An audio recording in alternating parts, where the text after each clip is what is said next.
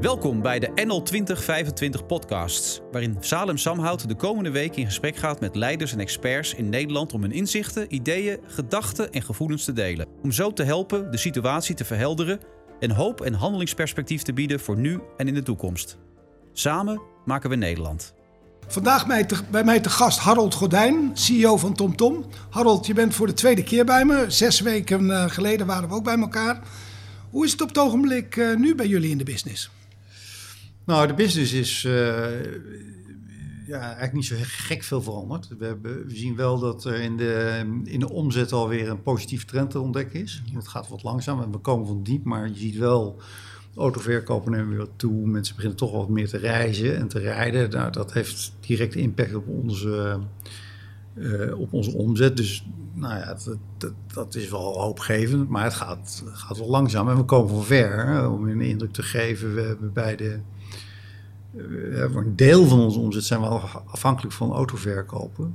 Nou, die waren in april en maart zo'n 80, 70 procent onder het normale niveau. En het komt wel weer terug. Maar hoe lang dat duurt, dat is natuurlijk de grote vraag. En daar hebben we nog steeds het antwoord niet op. Dus er is nog steeds een behoorlijke mate van onzekerheid in die omzetontwikkeling. Uh, en nou hoef je je niet zoveel zorgen te maken, denk ik, over 2020. Dat, ja, dat is wat ja. is. En uh, maar de vraag is, wat, hoe ziet 2021, hoe ziet 2022 uit? Dat, dat, daar moet je toch wel op enig moment, denk ik, een, een visie over, over, hebben en je daar dan maar uh, naar gaan inrichten. Dat proberen je zo lang mogelijk uit te stellen, zo, om, om zoveel mogelijk informatie te verzamelen en zoveel mogelijk zichtbaarheid te krijgen hoe die economie zich gaat ontwikkelen. Maar er zit nog wel een veel grote vraagtekens. Ik sprak eh, vorige week met een manager van Mercedes die in Azië verantwoordelijk was. En dat in China hun omzet alweer enorm was toegenomen. Ja. Merk jij dat ook al? Nou, je, wat we in China hebben gezien is dat er uh, uh, enorm vraag is naar uh, ontstaan na die, het einde van die lock-up. Ehm, of lockdown is het. Ja. Uh, wilden mensen natuurlijk wel weer reizen, maar ook weer bij voorkeur niet met openbaar vervoer. Dus wie, wat we geleerd hebben daarvan is dat er enorm vraag was naar uh, repair service, uh, nieuwe banden, nieuwe auto's weer werkend krijgen. Maar ook autoverkopen, nieuwe verkopen zat ook stevig in de lift. en dat is heel snel gegaan ja. in China. we, zien die, we zien dat in Europa en Noord-Amerika zien we die effecten minder, minder dramatisch. We zien wel uptick. En we zien ook wel dat er uh, dingen gebeuren. En als ik met autodealers praat, dan zijn ze allemaal helemaal niet zo negatief. Dus nou, het komt wel weer goed. Het is even uh, moeilijk geweest, maar we zien het allemaal zitten. Het komt wel in orde. Nou, dat is toch wel belangrijk, want die, die, die zit toch ja. uh, dichter bij de klant dan wie dan ook. Dus ik hoop dat het, dat het ook in, in Europa snel zal herstellen. Maar ik durf, we hebben daar nog geen garantie voor. En wat is jouw eigen, wat is jouw eigen intuïtie wat het eh, gaat doen? Nou, um, ja, het is, ik, kijk, het is een beetje een macro-verhaal, denk ik. Er zit een macro-component en dan een uh, industrie-specifieke component. En die beïnvloeden elkaar. Ik denk dat als je macro kijkt, dat we de, de, de echte pijn uh, nog niet gezien hebben, macro-economisch. Daar moeten we nog doorheen. Iedereen zit er nog lekker bij en de werkloosheid valt wel mee. Mensen hebben een beetje kunnen sparen. En, dus je ziet nog niet echt, denk ik, in de economie dat het de echte wereld heeft geraakt. In de mate waarin je dat zou verwachten. Maar ik denk wel dat dat nog gaat komen. En dat, er, uh, ja, dat het ook echt pijn gaat doen uh, financieel voor huishoudens en uh, individuen en, en, en, en noem maar op. Er zijn natuurlijk hele sectoren van de economie waarbij het niet zo 1, 2, 3 meer goed komt. Ja. Als het met toerisme te maken heeft, als het met transport te maken heeft, public transport te maken heeft, vliegen. Ja, ben geen uh, helderziende, maar je zou niet denken dat dat eind, uh, ja, misschien dat het eind 21 dan weer een beetje op het normale niveau zou zitten, maar ik verwacht niet dat het veel eerder gaat gebeuren. Nou, dan krijg je specifieke dingen. Mensen willen toch natuurlijk weer uh, hun sociale leven op peil krijgen, willen met vakantie, willen toch naar buiten. En dus als je zegt, wat betekent dat voor de auto? Industrie. Er zit er ook nog wel een silver lining, uh, hè, omdat mensen misschien toch wat makkelijker, wat liever met de auto gaan, omdat dat veiliger is dan met het openbaar vervoer. ja, en hoe die twee effecten elkaar dan gaan beïnvloeden, Ja. dat is nog een... eh, Moeilijk te voorspellen. Dat is nog lastiger te voorspellen. Dus je, jij kunt dus ook heel moeilijk prognoses maken voor 2021. Ja, ja. Hoe doe je dat naar je aandeelhouders toe? Wat, wat voor verhaal moet je ze dan nu brengen? Nou, in eerste instantie is het verhaal, we weten het niet. Het is te onduidelijk. We trekken onze eh, voorspellingen in. Want dat, en we geven ook geen nieuwe af. Want het is, eh, dat blijft toch allemaal maar raden. En daar heeft niemand wat aan. Dus eh, we, we hebben wel gezegd natuurlijk wat we doen. Hè. Dus dat is toch wel op de kosten letten. Eh, we zijn nog steeds aan het. eh, er zijn allerlei kosten waarvan we denken, nou dat hoeft nou even niet. En eh, wacht maar. En tegelijkertijd hebben we langlopende projecten, langlopende verplichtingen die we natuurlijk na willen komen en moeten komen. Dus er zijn geen aan de werkgelegenheidskant en zijn er geen grote dingen aan de, aan de hand. We, we werven ook nog. We Ja. brengen ook nog steeds nieuwe mensen binnen. Op een lager niveau dan we hadden gedacht, maar toch. eh, Ben jij zijn- daar als ondernemer niet extra voorzichtig in geworden? Of zeg je, we moeten juist nu goede mensen weer aannemen? Ja, ik, ik wil sterker uit die, uit die strijd komen. Hè. Dus dit, dit is nu ook het moment om, om, eh, om te kijken hoe het zit met talent. eh, Wat we uit de markt kunnen halen. En wa- waardoor we onze eigen transitie kunnen versnellen. Sneller nieuwe markten kunnen betreden. Ik vind het wel heel belangrijk dat we eh, aan het einde van deze crisis... dat we er beter voor staan dan aan het begin van de crisis. En dat, dat, dat, dat kan ook. Maar bij heel veel ondernemers die ik nu spreek, die zeggen nou, het wordt ook wel duidelijk dat we 15 tot 20 procent mensen hebben die eigenlijk heel weinig waarde toevoegen. En daar moeten we dan nu toch afscheid van gaan nemen. Is dat bij TomTom Tom helemaal niet het geval of hoe zit dat? Nou, het bedrijf functioneert nu anders. Eh, en er zijn dus mensen die, kijk, je hebt je, je, je, je marketing spend, die gaat naar beneden. Je reist niet meer zoveel. eh, je gaat niet meer naar congressen. Je gaat niet meer naar eh, tentoonstellingen. Daar, daar zijn toch ja, alles bij elkaar mensen mee bezig. Ja. Die nu even wat minder te doen hebben. Ik denk niet dat dat 15% is van de totale populatie. Maar er zijn wel mensen die, ja, waarvoor nu eventjes tijdelijk wat minder te doen is. Ja, dat is wel zo. Ja, dat heb je me de vorige keer geleerd. Dat je zegt, nou ja, je moet heel erg een goed verhaal zelf maken. Dan moet je ook goed naar de mensen toe gaan. Maar als het voor het bedrijf noodzakelijk is, moet je wel ingrijpen. Is die sense of urgency bij jou toegenomen de afgelopen zes weken? Of zit je nog steeds op hetzelfde gedachteniveau? Nee, we, zitten toch wel op hetzelfde uh, gedachteniveau. We hebben natuurlijk allerlei scenario's uit zitten werken. Eh, zoals het er nu uitziet, eh, kunnen we dat worst case scenario wel vermijden. Ik denk dat het ietsje beter is, eh, eruit ziet dan we hadden verwacht. Ehm, eh, aan de commerciële kant gaat het echt goed. Hè? Dus we sluiten nieuwe contracten. Dat staat het niet in de weg, dat coronavirus. Dus iedereen blijft toch wel gericht op de toekomst. En eh, probeert zich toch eh, voor te bereiden om weer uit die crisis te komen. En dan moet het weer het normale leven op gang komen. Dus- En wij zitten er op een vergelijkbare manier in. En dat kunnen we ook omdat we een sterke balans hebben. Dus Ja. we hoeven niet... eh, eh, nou ja, nou eens een keer eh 10, 20, 30 miljoen mislopen. Ja, Ja. weet je, vervelend. Maar geen reden om echt fundamenteel in te grijpen en eh, je bedrijf op een andere kostenbasis te stoelen.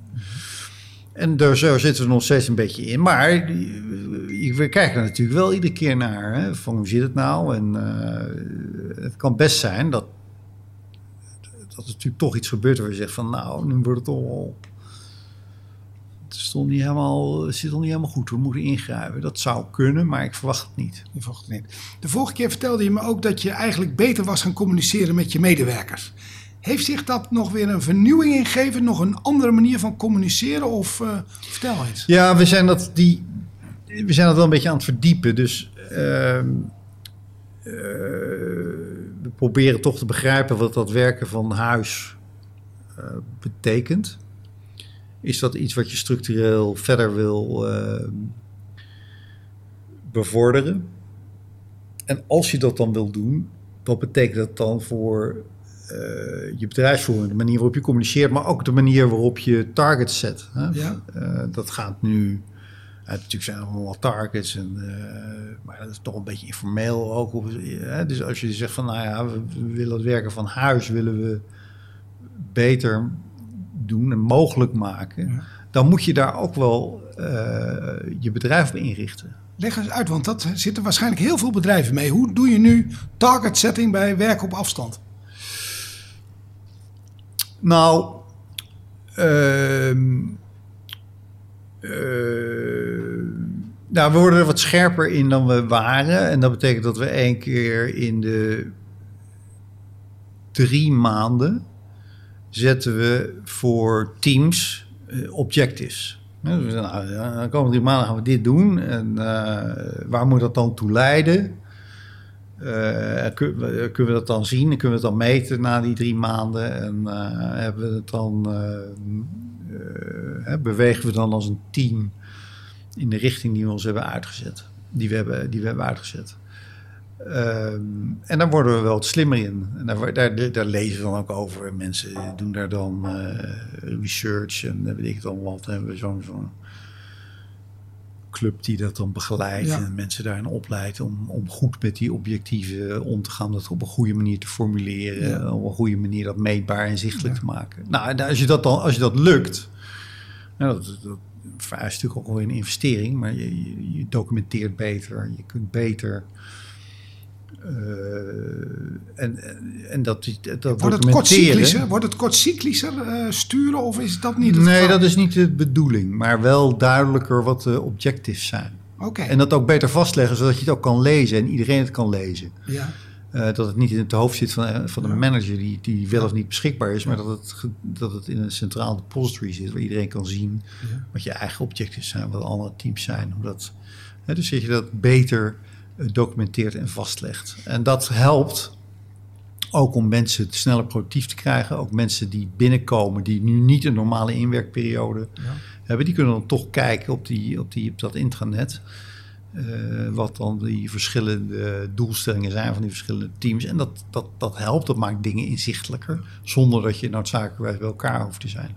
Nou, dat je helemaal niet meer bij elkaar hoeft te zijn, dat, daar geloof ik niks van. Je moet wel uh, iets hebben om, om mensen beter te leren kennen, om die, die, die, die, relaties te bouwen, dat vertrouwen op te bouwen, maar ook de cultuur van het bedrijf uh, uit te dragen en, en je daarnaar te richten. Dat zien heel veel werknemers ons als een hele belangrijke reden om bij ons te werken. Die houden, ja, die vinden die cultuur prima en dat correleert heel goed met uh, engagement en met efficiëntie, weet ik wel. Dus dat wil je, dat wil je, dat wil je wel eh, kaarsrecht overeind houden. En dat maar het betekent ook dat je het beter moet beschrijven en beter vast moet leggen, zodat mensen het. Ja. Wat ik uh, daar ooit wel eens heb geleerd in Silicon Valley, die hadden Objective Key Results, wat je omschrijft. Maar die hadden daar ook CFR naast gezet. En dat is Conversations, Feedback and Recognition. En volgens mij, als je dat Key Results, wat je nu Objectives nu zo neerzet, denk ook aan dat CFR, Conversation, Feedback and Recognition. Want ja. dat gaat wel hand in hand eigenlijk. Ja, ik, dat klopt. En, uh, ja, als je, als je er verder niks mee doet, dan... Uh, nee, dan heeft het geen nut, zeg dan, maar. dan wordt het alleen maar objectives en uh, kale nee. objectives. Ja. Ja, dan, dan wortelt het niet in het, in het gedrag en in de... Nee, en dan past het niet in, waarschijnlijk niet in jullie cultuur. Dus, nee. Dus er is wel een ruk naar meer result-oriented onderneming worden. Is dat eigenlijk wat je daarmee nastreeft met die, met die objectives en key ja, results? Ja, ja, ja. En er zit impliciet, dat er in de, laten we zeggen, de oude manier van werken, toch wel iets van supervisie en overzicht. Kom je op tijd, dan ga je niet te vroeg weg. En uh, wat doe je de hele dag? Dan zit je niet te veel op Facebook. Ja. Ja, daar, dat, daar, daar, dat, dat werkt ook niet in een nee. modern bedrijf. Dus daar moet je sowieso vanaf. Dat zit er natuurlijk toch nog wel een beetje in. Mensen willen toch wel graag. Uh, en dat is ook wel een hele sprong voor veel managers. Ja. Omdat om die fysieke ja. uh, overzicht om dat dan maar uh, los te laten en je helemaal te richten op die, uh, op die andere methodes. Maar het is een, ja, we leren daar. En, Wat betekent dat voor het gedrag van, jou, van jouzelf? Nou, het gedrag van mijzelf is dat ik dat natuurlijk dat, dat zie en ik moet dus, dus, er gebeurt van alles en ik wil dat op een goede manier begeleiden. Zodat dat ook de aandacht krijgt, dat er ook de energie gestoken wordt om dat uh, voor elkaar te krijgen. Dus die, die, die, die priority setting, die strategische priorities neerzetten, dat, dat wordt allemaal niet minder. Dat, is, uh, dat wordt eigenlijk wel een beetje fijnmazig. Ja, ja. Uh, mijn advies nog naar jou zou zijn: kijk ook of je strategisch na kan denken hoe die conversations moeten worden gevoerd. Dat zou mijn, uh, mag mijn mee. Ja. De vorige keer heb je me enorm aan het denken gezet, want toen zei ik: uh, in de maatschappij is het het verschil tussen arm en rijk wordt alleen maar groter. En toen zei jij, nou, dat hoeft misschien helemaal niet. Want de overheid heeft nu nog veel meer elementen in zich om het bij te kunnen sturen. Ben jij zes weken uh, verder ook nog wat verder gekomen in deze gedachten? Ja, ja, het is toch een beetje een. Ja, nou, ik ben er wel wat verder, maar niet veel optimistischer. Uh, wat ik zie nog wel dingen in de krant staan van ik denk van. Uh, ja moet de overheid zich hier nou zorgen over maken? Ik, uh, maar kijk die, die, die, die, die, verschillen tussen arm en rijk, dat is natuurlijk dat is echt een groot probleem. En dat, dat wordt nu nog een keer aangezet met wat we in Amerika zien. Nou, in, in, Nederland, Europa is de situatie misschien iets anders, maar er zitten ook allerlei problemen van vergelijkbare aard. En, en, en wat wij, wat ik persoonlijk zie als een grote uitdaging, is die sociale mobiliteit. Dus hoe kom je in een steeds complexere maatschappij nog in de buurt van die leuke banen waar er echt wat gebeurt? En, en hoe moet je dat nou doen? En, en is die toegang, wordt die niet al veel te vroeg, uh, die toegangsdeur naar die, naar, die, naar die leukere banen, wordt die niet veel te vroeg al uh, open of dichtgezet? ik denk dat we daar echt een probleem hebben. En dan, moet je, dan moeten we ook iets aan willen doen met, met elkaar. Hoe grijpt jou dat? Want dan kunnen we, komen we eigenlijk onmiddellijk ook naar dat Black Lives Matters. Dat ja. mensen, hoe, wat is jouw gevoel daarover? Nou, oké, het, het, resoneert enorm. Hè? Dus zowel in Amerika als in Europa zie je mensen echt geschokt en uh, ja, uit balans. En, en uh, hoe heeft het zover kunnen komen? Uh, dus het is, het is, echt wel een hele gevoelige snaar is daar geraakt. En ik denk ook wel dat het volledig uh, terecht is. Uh, ik kende natuurlijk de Amerikaanse situatie niet helemaal, maar ik lees ook wel de krant en ik hoor het ook wel van mensen dat dat, dat, dat gewoon niet goed gaat. Er zit echt een structureel element ook in het, ja. in het gescheiden houden van de haves en de not-haves. Ja. In Europa is het iets beter, maar ook verre van ideaal. Ja. Uh, wat minder natuurlijk naar ras, maar minderheden uh, speelt bij ons toch ook een vergelijkbaar probleem. En hoe is dat op boordlevel bij jullie en op directieniveau? Zie je dat daar ook lang een glazen plafond is voor vrouwen of mensen met een allochtone achtergrond? Of hoe zit dat bij jullie? Ja, Kijk, als je naar onze uh, boord kijkt, uh, je zit met zeven man, twee vrouwen, uh, vijf mannen, maar geen minderheden zijn niet goed vertegenwoordigd, ook ja. ons niet. laten we maar zeggen zoals het is. Ehm, en ik vind dat ook wel heel moeilijk discussie, want als wij natuurlijk op zoek zijn naar iemand in de boord, ja, dan willen wij ook blind zijn. En niet kijken naar eh, waar je vandaan komt. Uh, maar de beste kandidaat uit de markt halen. Die, voor die, dat is al moeilijk genoeg. Ja. Als je dan ook nog eens een keer. Uh, uh, natuurlijk gender en, en, etnische afkomst in die mix wil betrekken, dan wordt het echt heel moeilijk. Ja. Ehm, en de voornaamste prioriteit blijft natuurlijk toch om een goede goede, goed bedrijf uh, te runnen. En, en, maar, de, en maar als je dan dieper gaat kijken, waarom is dat dan zo dat die mensen niet, niet, niet boven komen drijven? Dat, heeft, dat kan te maken hebben met bias. Iedereen heeft dat, iedereen heeft er last van, ik ook. Uh, maar wat je vooral ziet is dat het in de aanloop naar die, naar die, naar die banen, naar die, naar die topbanen, dat het daar misgaat. Daar gaat het fout, ja. Daar gaat het fout. Dus het begint allemaal stuk beter dan het eindigt in termen van diversiteit. Als je kijkt naar eh, wat je van de universiteit haalt, wat er opnieuw binnenkomt, dan is de verdeling nog steeds niet uh, fantastisch, maar een stuk beter als dan wanneer je 20, 30 jaar verder in die carrières gaat kijken en je, en je ziet wat daar dan boven komt drijven. Ja, en waar ligt dat dan aan? Dat is hartstikke moeilijk. En, en, opnieuw, ik denk dat, dat bias daar een rol speelt. Ja. En daar kun je iets aan doen. Niet makkelijk, maar je kunt er als bedrijf iets aan doen door daar de aandacht voor te vragen en daar cursus voor te geven. Daar zijn we ook mee begonnen. noem al een tijdje op het gebied van gender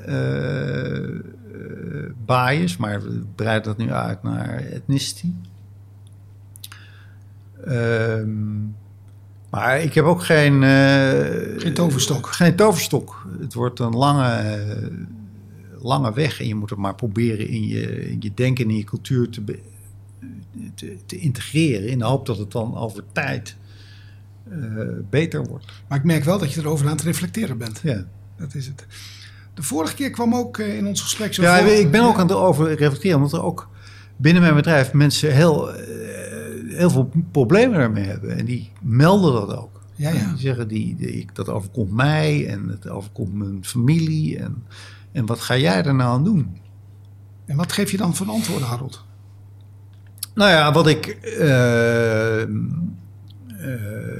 wat ik, wat ik nu zeg, hè, dus proberen te achterhalen waarom het is. En als het te maken heeft met bias, proberen daar actief iets aan te doen. We hebben daar ook mensen voor die dat, uh, die hun taak het is om daar uh, aandacht voor te vragen en mensen daarin in op te leiden en, en, en te uh, begeleiden. En het hangt ook af van welk land. Als je, we zitten in Oost-Europese landen, Centraal-Europa zitten we ook. Daar lijkt het nog wat erger. Ja.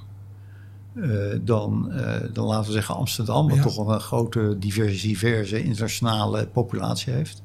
In, in, in Centraal-Europa hebben we ook grote kantoren en daar is het toch nog meer eenduidig en nog minder eenvoudig om daar diversiteit in die populatie te brengen. Dus je zit daar ook op verschillende uh, niveaus moet je, moet je die boodschap op een of andere manier voor de bühne zien te krijgen.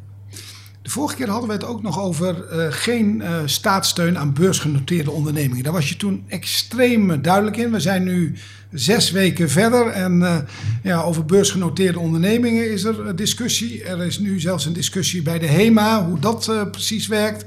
NS die nu steun krijgt. Welke perspectief heb je daar nu over na zes weken? Nou, ik ben daar niet, niet, ik ben niet ver opgeschoven in mijn mening. Ik, ik vind nog steeds uh, dat uh, in beginsel beursgenoteerde ondernemingen niet in aanmerking moeten komen voor wat voor subsidie dan ook. Uh, ik vind het vrij, vrij simpel. Ja, eigenlijk. als, er wat, als wat aan de hand is, dan moet je maar aanpassen. En als je dat niet lukt, dan ga je terug naar je aandeelhouders om er om te vragen wat je, hoe het nu verder moet, ja. maar niet naar de belastingbetaler. En je ziet ook steeds meer over bedrijven die door private equity worden gefinancierd of door hele rijke individuen. Hoe, hoe, wat voor perspectief heb je daarop? Ja, ik vind het een bizarre uh, discussie. Ik, ik, wist niet wat ik zag toen ik dat las in de krant. Van, uh, waar, waar, zijn we nu mee bezig? Wat, Ja. is, wat kan nu het argument zijn om hier iets mee te doen. En ik begrijp wel dat het pijnlijk is dat er allemaal winkels staan in winkelstraten en mensen uh, hun baan dreigen te verliezen. Maar de overheid is niet bij machten om dat tijd te keren en moet zich daar dan ook niet mee bemoeien. Het is ook over. Het, het kan ook niet. De overheid kan het ook niet. Afgezien van de morele moraliteit van zo'n beslissing.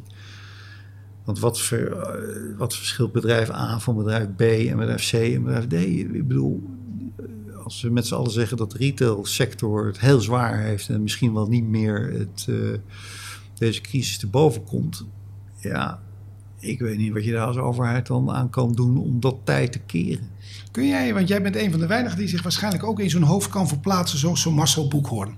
Uh, hoe gaat dat met zulke, met zulke mannen dan? Die zien dat ze geld bij moeten gooien. Dat willen ze eigenlijk niet. Hoe werkt dat eigenlijk? Als je, als je zoveel geld hebt, hoe moet je daarmee omgaan? Wat, wat gebeurt daar? Probeer ons dat te duiden. Nou, ik, ik ken uh, Marcel Boekhoorn niet. Maar, maar ik weet ook niet wat er in zijn hoofd omgaat. Daar wil ik ook niet over speculeren. Maar wat je in dit soort gevallen ziet, is natuurlijk een spel wat op de wagen wordt gezet. Wie gaat de rekening betalen? Ja. Zijn dat de schulden, de, de, de crediteuren, de handelscrediteuren, of zijn het uh, verhuurders, of zijn het uh, verstrekkers van vreemd vermogen, zijn het de aandeelhouders. Ja, dat is een beetje een, een, spel en dan wordt natuurlijk hard gespeeld.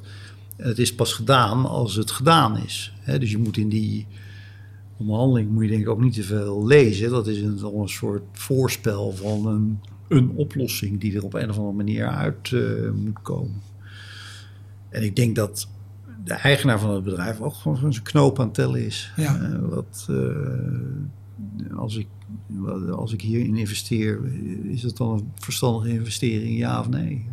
Dat, dat geeft een beetje de grenzen aan, denk ik, van hoe de verschillende partijen in de race zitten. Aan de ene kant een strategisch spel en aan de andere kant ook een beetje een imagospel, heb ik het gevoel. Maar de publieke opinie die gaat wel de andere kant op, zeg maar.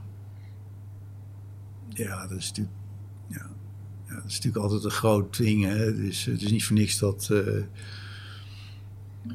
KLM is de blauw trots en eh, andere bedrijven zijn, eh, ja, die worden met minder eh, flatterende woorden beschreven. Ja. weet je, dat is allemaal een beetje voor de bühne en, en, en imagebuilding. Maar kijk, die, wat, ik denk dat een van de gevaren is eh, van deze crisis, of nou, de, de uitdaging, eh, denk ik, is, is hoe je er weer uitkomt. Ja, En dan kun je, eh, hè, dus je kunt, eh, en die Amerikanen zijn er natuurlijk goed in, die nemen snel een verlies en die beginnen dan weer opnieuw en Ja. klaar. En Ja. dan zijn ze ook vrij snel weer vergeten. ja, Als de, als de overheid zich te nadrukkelijk in het spel gaat mengen en te veel eigenlijk niet levensvatbare bedrijven toch probeert het leven te verlengen en eh, toch maar een beetje eh, eh, door te blijven gaan, dan duurt dat ook heel lang. Ja. Dat kost heel veel geld, dat moet toch betaald worden en het duurt heel lang voordat er weer schwung en, en dynamiek in zo'n economie komt. Er, is, er is ook wel wat voor te zeggen. Op die, er is natuurlijk heel veel pijn. Maar neem hem maar. neem hem dan. Dan kunnen we weer vooruit. Ja. Weet je wel? Dan zitten we niet weer in een periode van tien jaar van bezuinigen. En dat we de leraren niet willen betalen. En de politieagenten niet willen betalen. Omdat het geld er niet is. En we moeten, en we moeten bezuinigen. Dat is geen goede uitkomst. Ja. Dat hebben we nu waren we net een beetje mee klaar. We hebben al netjes gespaard om die financiële crisis te boven te komen. Ja. Het zag er weer een beetje leuk uit. Nou, ja, laten we nou niet weer zo'n tienjarige periode van doom en gloom ingaan. Ja. Maar, dat, maar, dat, maar die pijn toch proberen zo te nemen en dan weer vooruitkijken. En die dynamiek in die, in die economie op gang te krijgen. Maar dat was toen ik vorige week met die Chinese manager sprak. Die had het eigenlijk alleen maar over recovery. En ik merkte in mijn mindset zat ik nog, hoe nemen we de pijn? Maar hij had het eigenlijk alleen maar over recovery. En de pijn, die lijken ze ook daar te nemen. En dan Ja. op naar recovery. Is dat Ja. ook de boodschap die jij aan de Nederlandse overheid en de Nederlandse ondernemers zou ja, geven? dat, dat, dat daar, hè, wat gebeurd is, is gebeurd. Dat kan je niet beïnvloeden. Hoe komen we eruit? En, eh, en hoe doen we dat zo snel en zo slim mogelijk? En er is natuurlijk een groot verschil. Kijk, als die crisis heel kort duurt, dan kan de overheid wel zeggen, nou, dat overbrug ik en dan eh, is het weer klaar en is het net alsof er niks aan de hand is en of er niks gebeurd is. Ja. Maar ik denk dat dat scenario niet meer verdedigbaar is. Dat, de, dat, dat de pijn, hè, dat de, de negatieve consequenties van die coronavirus een langere periode gaan duren. En die langere termijn maakt het om, eigenlijk in mijn visie onmogelijk eh, voor de overheid om dat dan nog eh, Te pamperen, te lang. pamperen te lang. En eh, dat lijkt me heel erg ingewikkeld. En dan kun je denk ik maar beter op de markt vertrouwen. En de markt het op laten lossen met alle korte, stondige pijn van dien. Maar met meer eh, ruimte, adem en, en, en dynamiek eh, Ja. naar, de, naar de toekomst. Kun je nog een laatste perspectief geven over de technologie? Welke innovaties op het gebied van technologie zie je de komende zes tot negen maanden een enorme golf eh, zien maken? Nou, ik, ik weet het niet. Maar ik geloof niet dat er nou hele grote technologische eh, dingen in het vooruitzicht liggen. Maar je ziet wel een acceleratie van trends die er al waren. Hè? Dus dat werken vanaf huis met de tools die je daarvoor nodig hebt. Cloud computing. ehm, eh, toch slimmere software ook weer. Software die slimmer is opgebouwd, die slimmer te integreren is. In, in, ik denk dat daar, dat daar nog, ja, dat, en, en, en dan alles wat zich vertaalt naar e-commerce, eh, eh, dat dat zich zal versnellen. Eh, en je ziet ook dat als er winnaars zijn. Of in ieder geval bedrijven die er nergens last van hebben. Dan zijn het die grote technologiebedrijven. Ja, die Dus groeien. die blijven maar doorgaan. En die aandelenkoersen blijven ook maar stijgen. Wordt hun macht daardoor nog weer groter? Ik ben bang van wel. En moeten we daar. En wat is de angst die je dan eh, daarvoor hebt? Nou ja, dat die core bouwstenen die een economie maken, dat die allemaal buiten Europa eh, ontwikkeld en uitgebouwd worden. En dat we daardoor steeds minder invloed krijgen op hoe die eh, technologie zich gaat ontwikkelen. En ook een deel van de welvaart daarbij eh, prijs moeten geven. En dat we een onvoldoende, dat we, dat we een, een workforce bouwen die onvoldoende begrijpt eh, hoe technologie werkt en hoe technologie ons dagelijks leven beïnvloedt.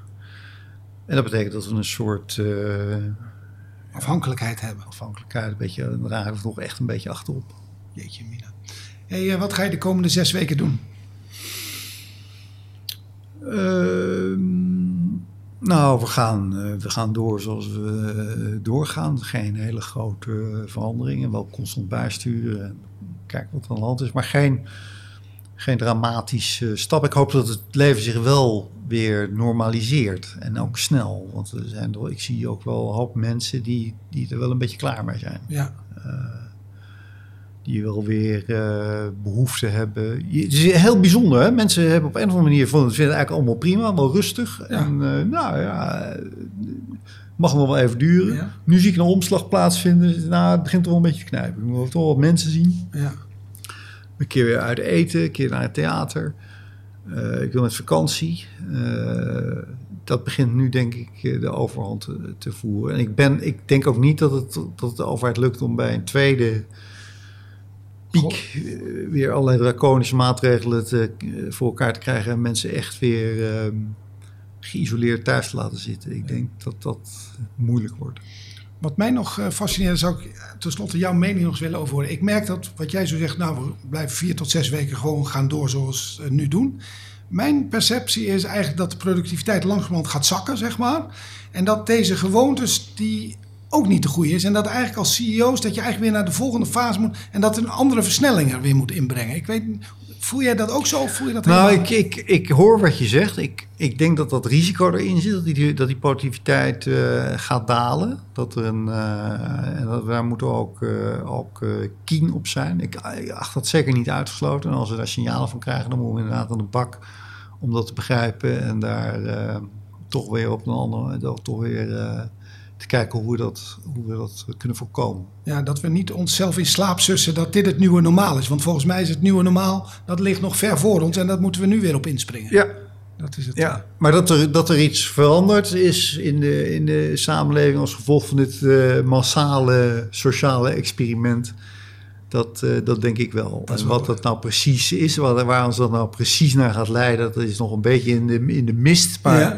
ik denk wel dat, dat, eh, dat er echt wel eh, iets veranderd is. Nou, ik hoop je over twee maanden weer te spreken. Kijken welke trends we dan weer zien. Dus eh, hartelijk dank voor deze tijd, eh, Harold. En, eh, ik denk dat je een inspiratie was voor velen. Dank je. Dankjewel.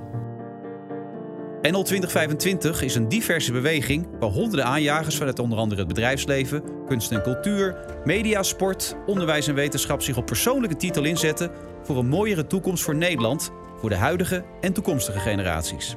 En dat doen we vanuit het pay it forward principe. Ik doe iets voor jou en dan geef jij het weer door aan iemand anders.